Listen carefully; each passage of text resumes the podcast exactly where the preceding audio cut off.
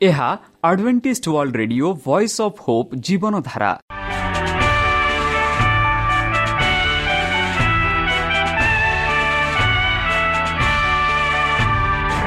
Odia radio କାର୍ଯ୍ୟକ୍ରମ ଯାହା ଆମର ଆନ୍ତର୍ଜାତୀୟ ଆଘାତ କେନ୍ଦ୍ରରୁ ପ୍ରସାରଣ କରାଯାଉଛି ପ୍ରତିଦିନ ରାତି ନଅଟା ତିରିଶ ମିନିଟ୍ରେ। ମୁଁ ସୁବ୍ରତ କୁମାର ପତି ପ୍ରେମର ସହ ଆପଣମାନଙ୍କୁ ଏହି କାର୍ଯ୍ୟକ୍ରମକୁ ସ୍ୱାଗତ କରୁଅଛି। ଚାଲନ୍ତୁ ଆଜିର ତିରିଶ ମିନିଟ୍ର କାର୍ଯ୍ୟକ୍ରମ ବିଷୟରେ ଜାଣିନେବା। ପ୍ରଥମେ ରଖିଛୁ ଆଧ୍ୟାତ୍ମିକ ଭକ୍ତିମୟ ଗୀତ। ଏହାପରେ ଶୁଣିବା ସ୍ୱାସ୍ଥ୍ୟ ବିଷୟରେ ଯାହା ଆମର ଦୈନିକ ଜୀବନରେ ଅତ୍ୟନ୍ତ ଜରୁରୀ। ଆଉ ପରିଶେଷରେ ଶୁଣିବା ପରମେଶ୍ୱରଙ୍କ ଭକ୍ତଙ୍କଠାରୁ ଜୀବନଦାୟକ ଈଶ୍ୱରଙ୍କ ବାକ୍ୟ। ପ୍ରିୟ ଶ୍ରୋତା ତାହେଲେ ଚାଲନ୍ତୁ ଶୁଣିବା ଏକ ଆଧ୍ୟାତ୍ମିକ ଭକ୍ତିମୟ ଗୀତ।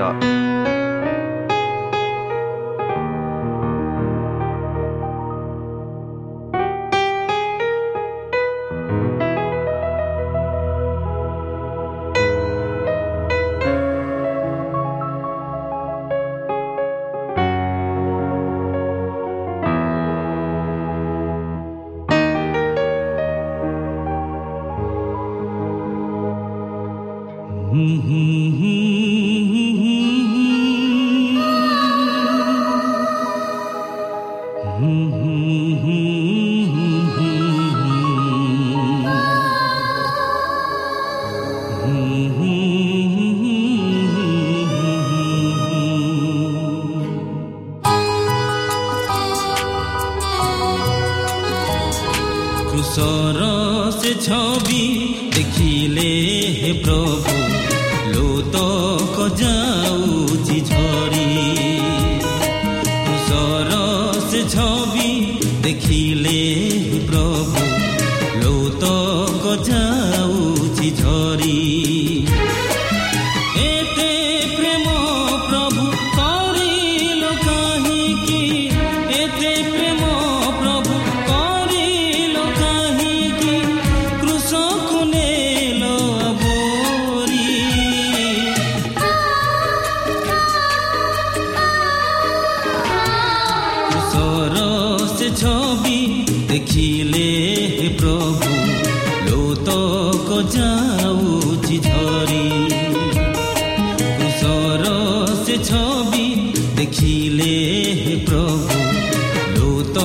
خدا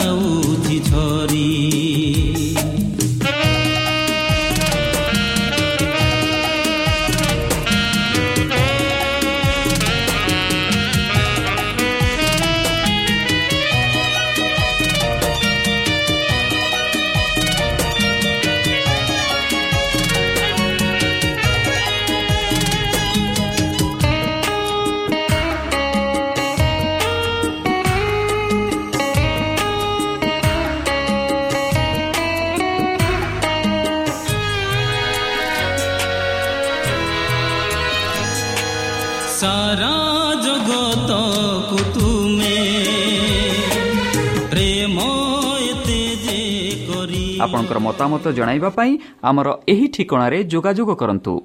ଆମ ଠିକଣା Adventist media centre SDA mission compound Salisbury park Pune ଚାରି ଏକ ଏକ ଶୂନ ତିନି ସାତ ମହାରାଷ୍ଟ୍ର।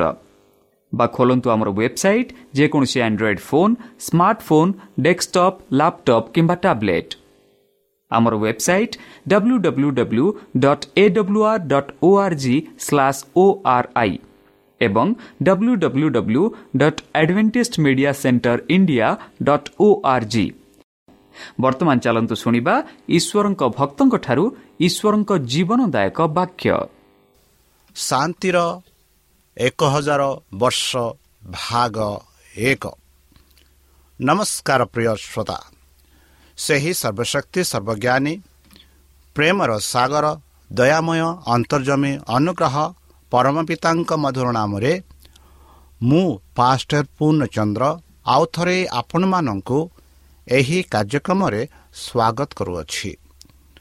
ପ୍ରିୟ ଶ୍ରୋତା ସେହି ସର୍ବଶକ୍ତି ପରମେଶ୍ୱର ଆପଣମାନଙ୍କୁ ଆଶୀର୍ବାଦ କରନ୍ତୁ। ଆପଣଙ୍କୁ ସମସ୍ତ ପ୍ରକାର ଦୁଃଖ କଷ୍ଟ ବାଧା କ୍ଲେଶ ଓ ରୋଗରୁ ଦୂରେଇ ରଖନ୍ତୁ। ଶତ୍ରୁ ସୟତାନ ହସ୍ତରୁ ସେ ଆପଣଙ୍କୁ ସୁରକ୍ଷାରେ ରଖନ୍ତୁ। ତାହାଙ୍କ ପ୍ରେମ ତାହାଙ୍କ ସ୍ନେହ ତାହାଙ୍କ କୃପା ତାହାଙ୍କ ଅନୁଗ୍ରହ ସଦାସର୍ବଦା ଆପଣଙ୍କଠାରେ ସହବର୍ତ୍ତୀ ରହୁ। ପ୍ରିୟସତା ଚାଲନ୍ତୁ ଆଜି ଆମ୍ଭେମାନେ କିଛି ସମୟ ପବିତ୍ର ଶାସ୍ତ୍ର ବାଇବଲଠୁ ତାହାଙ୍କ ଜୀବନଦାୟକ ବାକ୍ୟ ଧ୍ୟାନ କରିବା। ଆଜିର ଆଲୋଚନା ହେଉଛି ଶାନ୍ତିର ଏକ ହଜାର ବର୍ଷ ଭାଗ ଏକ। ବନ୍ଧୁ ଜହନ ପାଞ୍ଚ ଅଠେଇଶ ଅଣତିରିଶରେ ଆମେ ପାଉଅଛୁ ଜହନ ଲିଖିତ ଲେଖନ୍ତି ଏହିପରି ଏଥିରେ ଚମକୃତ ହୁଅ ନାହିଁ କାରଣ ଯେଉଁ ସମୟରେ ସମାଧିସ୍ଥ ସମସ୍ତେ ତାହାଙ୍କ ସ୍ୱର ଶୁଣିବେ ଏବଂ ଯେଉଁମାନେ ସକର୍ମ କରିଅଛନ୍ତି ସେମାନେ ଜୀବନର ପୁନରୁତ୍ଥାନ ନିମନ୍ତେ ଓ ଯେଉଁମାନେ ଅସତ୍ କର୍ମ କରିଅଛନ୍ତି ସେମାନେ ଦଣ୍ଡର ପୁନରୁତ୍ଥାନ ନିମନ୍ତେ ବାହାର ହୋଇ ଆସିବେ। ଏପରି ସମୟ ଆସୁଅଛି। ବନ୍ଧୁ ଶାନ୍ତି। ପ୍ରତ୍ୟେକ ମାନବ ଜାତି ଯେ କି ପୃଥିବୀରେ ବାସ କରେ ସେ ଶାନ୍ତିମୟ ଜୀବନରେ ବଞ୍ଚିବା ପାଇଁ ଇଚ୍ଛା କରିଥାଏ। ବନ୍ଧୁ ଯେଉଁ ଜଗତରେ ବର୍ତ୍ତମାନ ଆମେ ବାସ କରୁଛୁ ଯଦି ଆମ ଚାରିପାଖେ ବା ଚାରିପଟେ ଦେଖିବା ବିଭିନ୍ନ ପ୍ରକାର ଦୁର୍ନୀତି ବିଭିନ୍ନ ପ୍ରକାର ଅତ୍ୟାଚାରରେ ଘେରି ରହିଅଛି ମଣିଷ ରୋଗରେ ପୀଡ଼ିତ ଘରେ ଘରେ ଗଣ୍ଡଗୋଳ ଜାତି ଜାତି ଗଣ୍ଡଗୋଳ ସମାଜରେ ଗଣ୍ଡଗୋଳ ଏହିପରି ସାରା ଦୁନିଆରେ ଚାଲିଅଛି। ଦେଶ ମଧ୍ୟ ଦେଶରେ ଯୁଦ୍ଧ ଚାଲିଅଛି। ଏହି ମଧ୍ୟସ୍ଥରେ ଯଦି ଆମେ ଶାନ୍ତି ଚାହୁଁ କେଉଁଠାରୁ ଚାହୁଁ? କେଉଁଠାରେ ଆସିବ? ପ୍ରତ୍ୟେକ ବ୍ୟକ୍ତି ଶାନ୍ତି ଚାହାନ୍ତି। ପ୍ରତ୍ୟେକ ବ୍ୟକ୍ତି ଚାହେଁ ଯେ ଶାନ୍ତିରେ ସେ ବାସ କରୁ। ମାତ୍ର ଆମ ପବିତ୍ର ଶାସ୍ତ୍ର ବାଇବଲ କହୁଅଛି ଏମିତି ଗୋଟିଏ ଜାଗା ଅଛି ଯେଉଁଠାରେ ଆମେ ଶାନ୍ତିରେ ବାସ କରିପାରିବା। ଯେଉଁଠାରେ ଆମେ ଏହିପରି ଦୁର୍ନୀତି ଏହିପରି ସମସ୍ୟାରେ ସମ୍ମୁଖୀନ କରିବା ନାହିଁ। ଶାନ୍ତି ସଦା ସର୍ବଦା ରହିପାରିବା। ଏଥି କାରଣରୁ ଜହନ ଲିଖିତ ଲେଖନ୍ତି କି ତୁମେ ଚମତ୍କୃତ ହୁଅ ନାହିଁ। ଏମିତି ସମୟ ଆସୁଅଛି ଯେଉଁମାନେ ସମାଧିରୁ ଉଠିବେ। କେଉଁମାନେ ସମାଧିରେ ଉଠିବେ? ଯେଉଁମାନେ ସୁକର୍ମ କରିଛନ୍ତି ଯେଉଁମାନେ ଅସତ୍ କର୍ମ କରିଛନ୍ତି। ଯେଉଁମାନେ ଭଲ କାର୍ଯ୍ୟ କରିଛନ୍ତି ସେମାନେ ଉଠିବେ। ଆଉ ସେମାନେ ସ୍ୱର୍ଗରାଜକୁ ଯିବେ। ସଦାପ୍ରଭୁ ପରମେଶ୍ୱରଙ୍କଠାରେ ବାସ କରିବେ ସହସ୍ର ବର୍ଷ ଅନନ୍ତ ସ୍ଥାୟୀ ଶାନ୍ତିରେ। ଆଉ ଯେଉଁମାନେ ଦୁର୍ନୀତିରେ ଅତ୍ୟାଚାରରେ ଭାଗ ନେଇଛନ୍ତି ସେମାନେ ଦଣ୍ଡରେ ରହିବେ ବୋଲି ଦେଖୁଅଛୁ। ଦଣ୍ଡ ପାଇବେ ବୋଲି ଦେଖୁଅଛୁ। ବନ୍ଧୁ ସେହିପରି ସାଧୁପାଲ ଲେଖନ୍ତି ପ୍ରଥମ ତେସଳନିକୀୟ ଚାରି ଷୋହଳ ଟୁ ସତରରେ ସେ କହନ୍ତି କାରଣ ପ୍ରଭୁ ଆପେ ଆଦେଶ ଦେଇ ପ୍ରଧାନ ଦୂତଙ୍କ ସ୍ୱର ଓ ଈଶ୍ୱରଙ୍କ ତୁରିବାଦ୍ୟ ସହିତ ସ୍ୱର୍ଗରୁ ଅବତରଣ କରିବେ। ସେଥିରେ ଯେଉଁମାନେ ଖ୍ରୀଷ୍ଟଙ୍କଠାରେ ଥାଇ ମରିଅଛନ୍ତି ସେମାନେ ପ୍ରଥମେ ଉଠିବେ। ବନ୍ଧୁ ଆମେ ଏହି ଦୁର୍ନୀତି ପୃଥିବୀରେ ବାସ କରୁଛୁ ଏହି ଅତ୍ୟାଚାର ପୃଥିବୀରେ ବାସ କରୁଅଛୁ। ଆଉ ଯେତେବେଳେ ଯେତେ ଲୋକ ଏହି ପୃଥିବୀରେ ବାସ କରୁଥିଲେ ଆଉ ସଦାପ୍ରଭୁ ପରମେଶ୍ୱରଙ୍କଠାରେ ବିଶ୍ୱାସ କରୁଥିଲେ ଯେବେ ସେହି ପରମେଶ୍ୱର ଦ୍ୱିତୀୟ ଥର ଆସିବେ ଯୀଶୁ ଖ୍ରୀଷ୍ଟ ଯେବେ ଏହି ପୃଥିବୀକୁ ଆସିବେ ସେ ଆପନା ପ୍ରଧାନ ଦୂତକୁ ଆଦର୍ଶ ଦେବେ। କିପରି ଆଦର୍ଶ ଦେବେ? କି ଯେତେ ଲୋକ ତାଙ୍କ ନାମରେ ମରିଅଛନ୍ତି। ଯେତେ ଲୋକ ତାଙ୍କ ନାମରେ କବରରେ ଅଛନ୍ତି ସେମାନଙ୍କୁ ଉଠାଇବା ପାଇଁ ପରମେଶ୍ୱର ଆଦେଶ ଦେବ ପ୍ରଭୁ ଆଦେଶ ଦେବ ଆଉ ସେମାନେ ଯାଇ ସେମାନଙ୍କୁ ଉଠେଇ ଆଣିବେ। ଆଉ ଯେବେ ସେମାନେ ଆସିବେ ତାପରେ ଆମେ ଦେଖୁଛୁ ସତ୍ରପଦରେ ପରେ ଆମ୍ଭେମାନେ ଯେତେ ଲୋକ ଜୀବିତ ରହି ଅବଶିଷ୍ଟ ଥିବୁ ପ୍ରଭୁଙ୍କ ସହିତ ସାକ୍ଷାତ କରିବା ନିମନ୍ତେ ଆମ୍ଭେମାନେ ସେମାନଙ୍କ ସହ ମେଘମାଳାରେ ଶୂନ୍ୟମଣ୍ଡଳକୁ ନୀତି ହେବ। ଏହି ପ୍ରକାରେ ଆମ୍ଭେମାନେ ସର୍ବଦା ପ୍ରଭୁଙ୍କ ସହିତ ରହିବୁ। କେଡ଼େ ସୁନ୍ଦର ପଦ ଆମେ ଦେଖୁଅଛୁ। କେଡ଼େ ସୁନ୍ଦର ଭାବରେ ପାଉଲ ଲେଖୁଅଛନ୍ତି ବନ୍ଧୁ ଯେବେ ଯୀଶୁଖ୍ରୀଷ୍ଟ ଏହି ପୃଥିବୀକୁ ଆସିବେ ସେ ଆପଣା ଦୂତମାନଙ୍କୁ ଏକ ଆଦେଶ ଦେବେ କି ଯାଅ ଯେତେ ଲୋକ ମୋ ନାମରେ ମରଣ ହୋଇଛନ୍ତି ମରିଛନ୍ତି କବରରେ ଶୋଇଛନ୍ତି ସେମାନଙ୍କୁ ଉଠାଇ ଆଣ। ଆଉ ଯେବେ ସେମାନେ ଉଠି ଆସିବେ ଆଉ ଯେତେ ଲୋକ ଜୀବିତ ରହିଅଛନ୍ତି ସେହି ସମୟରେ ଯେଉଁମାନେ ଯୀଶୁଖ୍ରୀଷ୍ଟଙ୍କୁ ବିଶ୍ୱାସ କଲେ ଯେଉଁମାନେ ଏଇ ଯେଉଁ ସାଂସାରିକ ତାଡ଼ନାରୁ ଉଦ୍ଧାର ହୋଇ ପରୀକ୍ଷାରୁ ଉଦ୍ଧାର ହୋଇ ଅଛନ୍ତି ସେମାନେ ଆଉ ସେ ମୃତ୍ୟୁ ଲୋକମାନେ ସମସ୍ତେ ଏକାଥର ମିଶି ସେ ସ୍ୱର୍ଗରାଜକୁ ଯିବେ। ଆଉ ଯେବେ ସେ ସ୍ୱର୍ଗରାଜ ଯିବେ ସେମାନେ ସଦାସର୍ବଦା ପରମେଶ୍ୱରଙ୍କ ସହ ରହିବେ ଯୀଶୁଖ୍ରୀଷ୍ଟଙ୍କ ସହ ରହିବେ ଆଉ ସେମାନେ ବିଚାର କରିବେ। ପ୍ରକାଶିତ କୋଡ଼ିଏ ଛଅରେ କୁହେ ବନ୍ଧୁ ଯେଉଁମାନେ ପ୍ରଥମ ପୁନରୁଦ୍ଧାର ଅଂଶୀ ହୁଅନ୍ତି ସେମାନେ ଧନ୍ୟ ଓ ପବିତ୍ର। ସେମାନଙ୍କ ପରେ ଦ୍ୱିତୀୟ ମୃତ୍ୟୁର କୌଣସି ଅଧିକାର ନାହିଁ।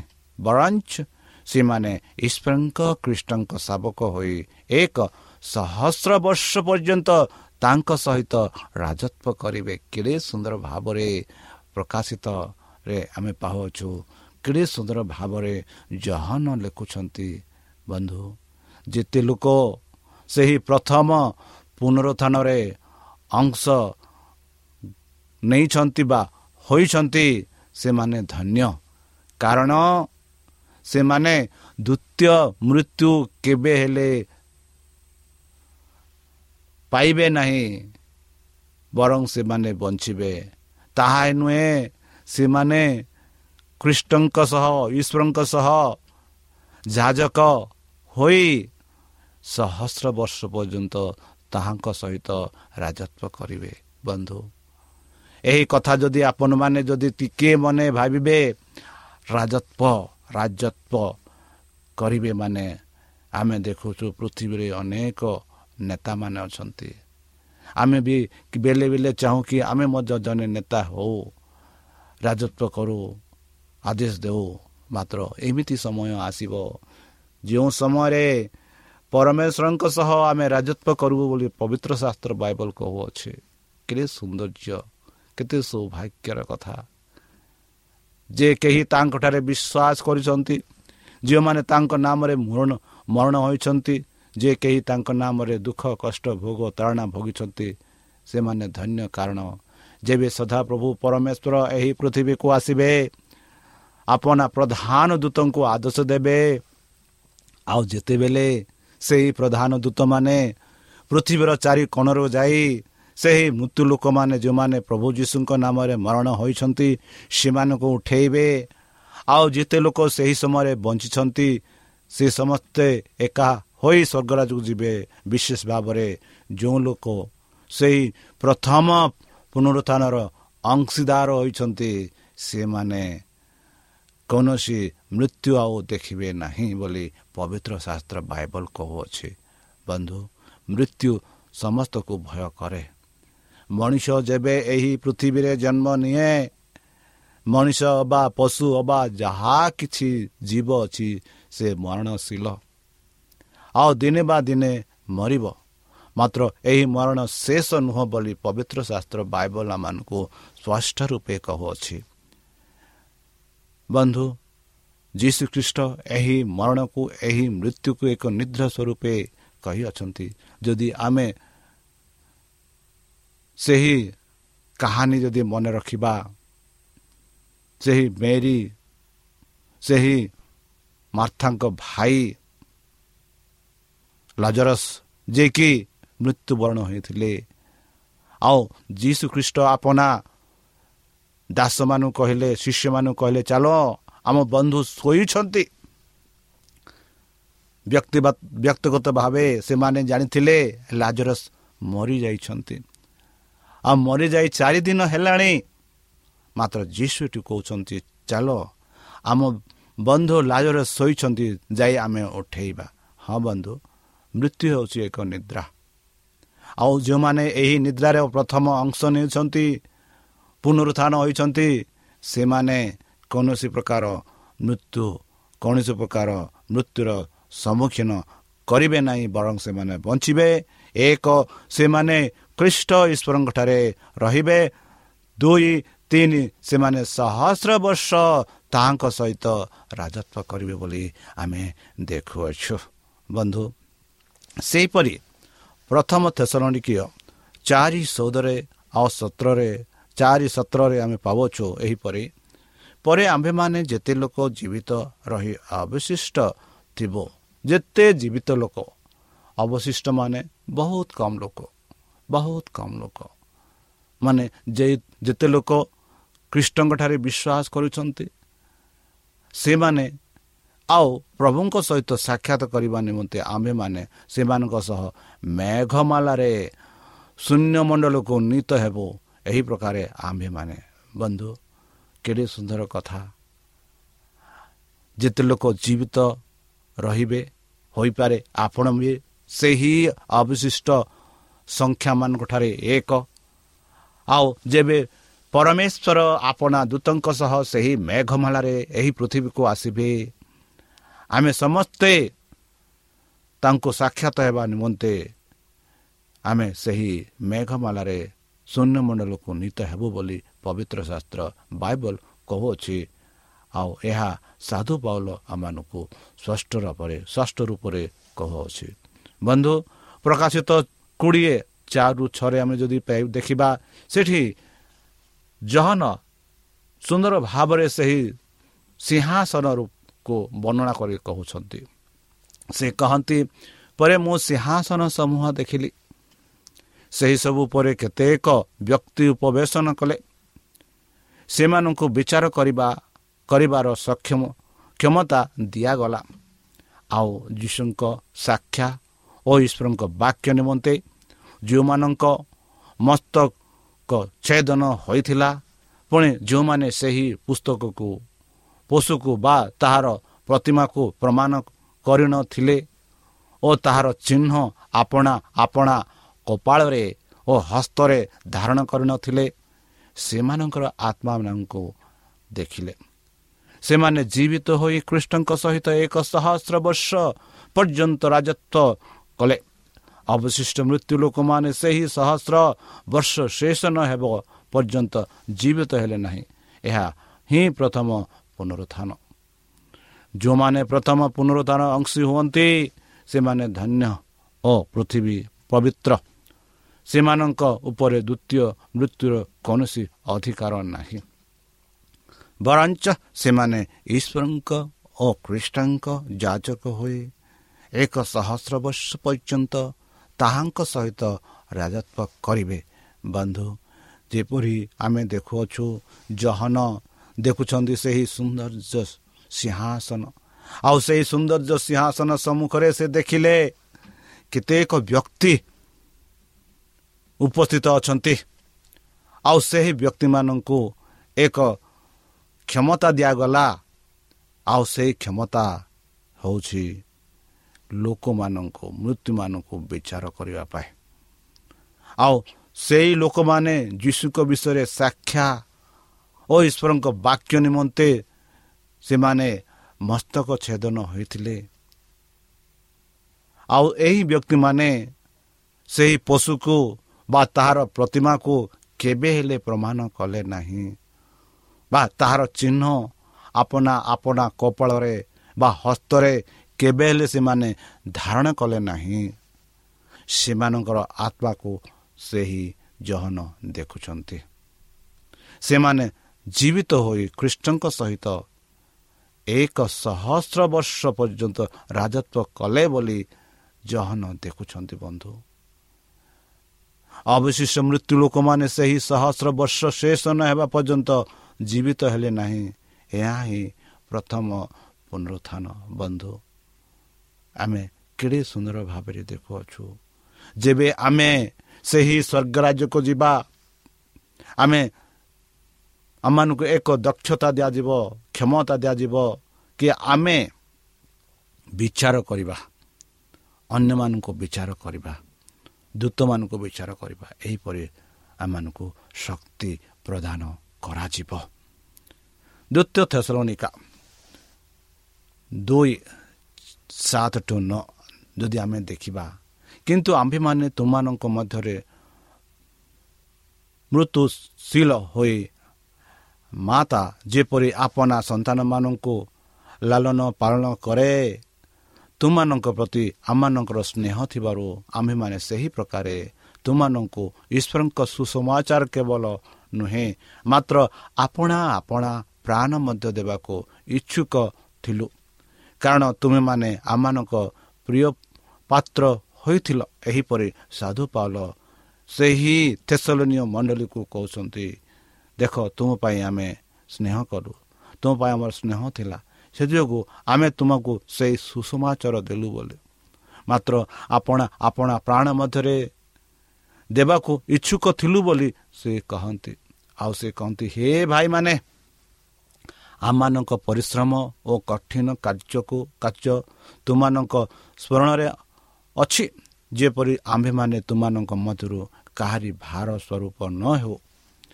ଏଥି ନିମନ୍ତେ ଦିବାରାତ୍ର କଠୋର ପରିଶ୍ରମ କରି ଈଶ୍ୱରଙ୍କ ସୁସମାଚାର ତୁମମାନଙ୍କ ନିକଟରେ ପ୍ରଚାର କରିଥିଲୁ ବନ୍ଧୁ।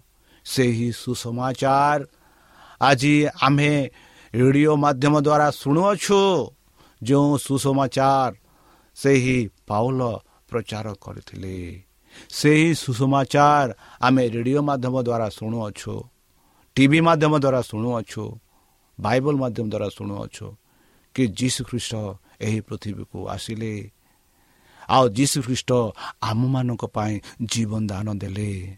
ଆଉ ଯେ କେହି ତାଙ୍କଠାରେ ବିଶ୍ୱାସ କରେ ସେ କେବେ ହେଲେ ବିନାଶ ନ ହୋଇ ଅନନ୍ତ ଜୀବନ ପ୍ରାପ୍ତ ହୁଏ।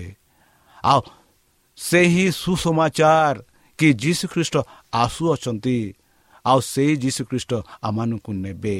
ଯଦିଓ ବା ଆମେ ମରଣ ଭୋଗୁଛୁ ହେଲେ ହେଁ ସେହି ମରଣରୁ ଆମମାନଙ୍କୁ ଉଠେଇବେ ଆଉ ସେହି ସ୍ୱର୍ଗରାଜକୁ ନେବେ। ତାହା ହିଁ ସୁସମାଚାର। ଆଉ ସେହି ସ୍ୱର୍ଗରେ ଆମେ ସଦାସର୍ବଦା ଅନନ୍ତକାଳ ବାସ କରିବୁ ବୋଲି ଆମେ ଦେଖୁଅଛୁ। ପ୍ରିୟସତା କ'ଣ ସେହି ସ୍ୱର୍ଗରାଜ ଯିବା ପାଇଁ ଆପଣ ଇଚ୍ଛା କରୁଛନ୍ତି କି? ଯେପରି ଦ୍ୱିତୀୟ ଥେସରଣିକ ଦୁଇ ସାତ ଆଠ କୁହେ ଏହିପରି କିନ୍ତୁ ଆମ୍ଭେମାନେ ତୁମମାନଙ୍କ ମଧ୍ୟରେ ମୃତ୍ୟୁଶୀଳ ହୋଇ ମାତା ଯେପରି ଆପଣା ସନ୍ତାନମାନଙ୍କୁ ଲାଲନ ପାଳନ କରେ। ବନ୍ଧୁ କେଡ଼େ ସୁନ୍ଦର ଭାବରେ ଆମେ ଦେଖିଲୁ ମାତା ଯେପରି ତୁମମାନଙ୍କ ମଧ୍ୟରେ ସେ କହନ୍ତି ତୁମ୍ଭେ କିନ୍ତୁ ଆମେମାନେ ତୁମମାନଙ୍କ ମଧ୍ୟରେ ମୃଦୁଶୀଳ ହୋଇ ମାତା ଯେପରି ଆପଣା ସନ୍ତାନମାନଙ୍କୁ ଲାଲନ ପାଳନ କଲେ। ଏହିପରି ସାଧୁ ପାଲ କହନ୍ତି ସେହି ଥେସଲନୀୟ ମଣ୍ଡଳୀକୁ।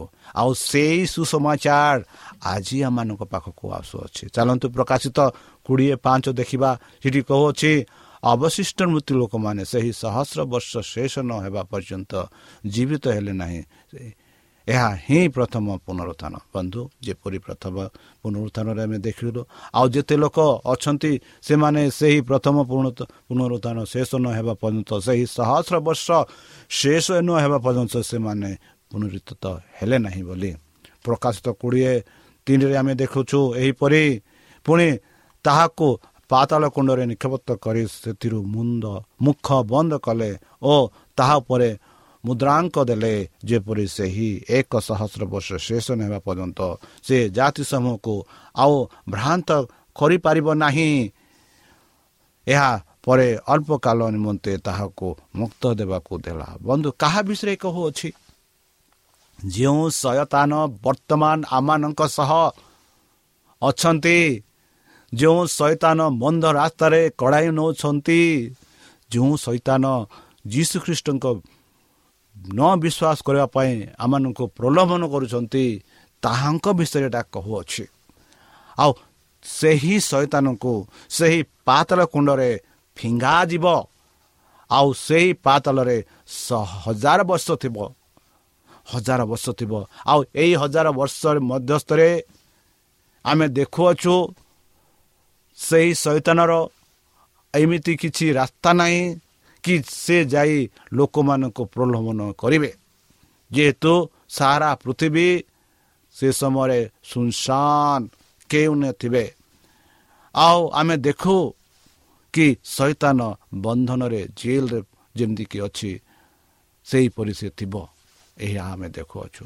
ଆଉ ତାପରେ ସହସ୍ର ବର୍ଷ ପରେ ଶୈତାନକୁ ଆଉ ଗୋଟିଏ ଅଳ୍ପ ସମୟ ଦିଆଯାଇଥିବ।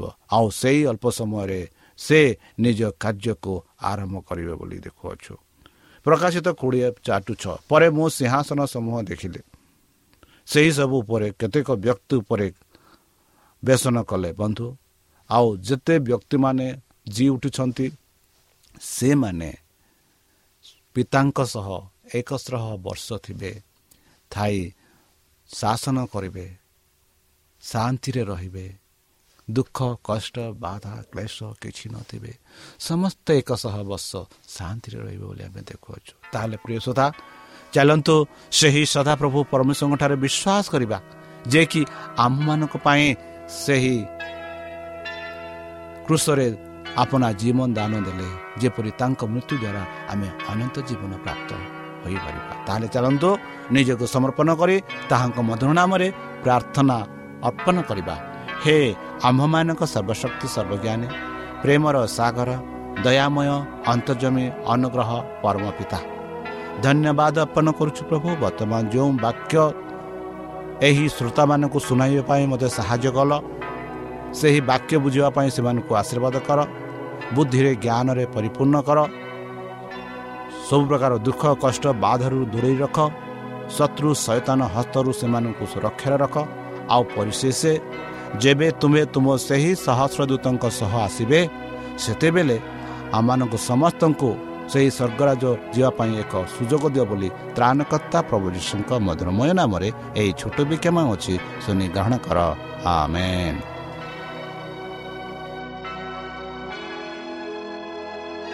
ପ୍ରିୟ ଶ୍ରୋତା ଆମେ ଆଶା କରୁଛୁ ଯେ ଆମର କାର୍ଯ୍ୟକ୍ରମ ଆପଣମାନଙ୍କୁ ପସନ୍ଦ ଲାଗୁଥିବ।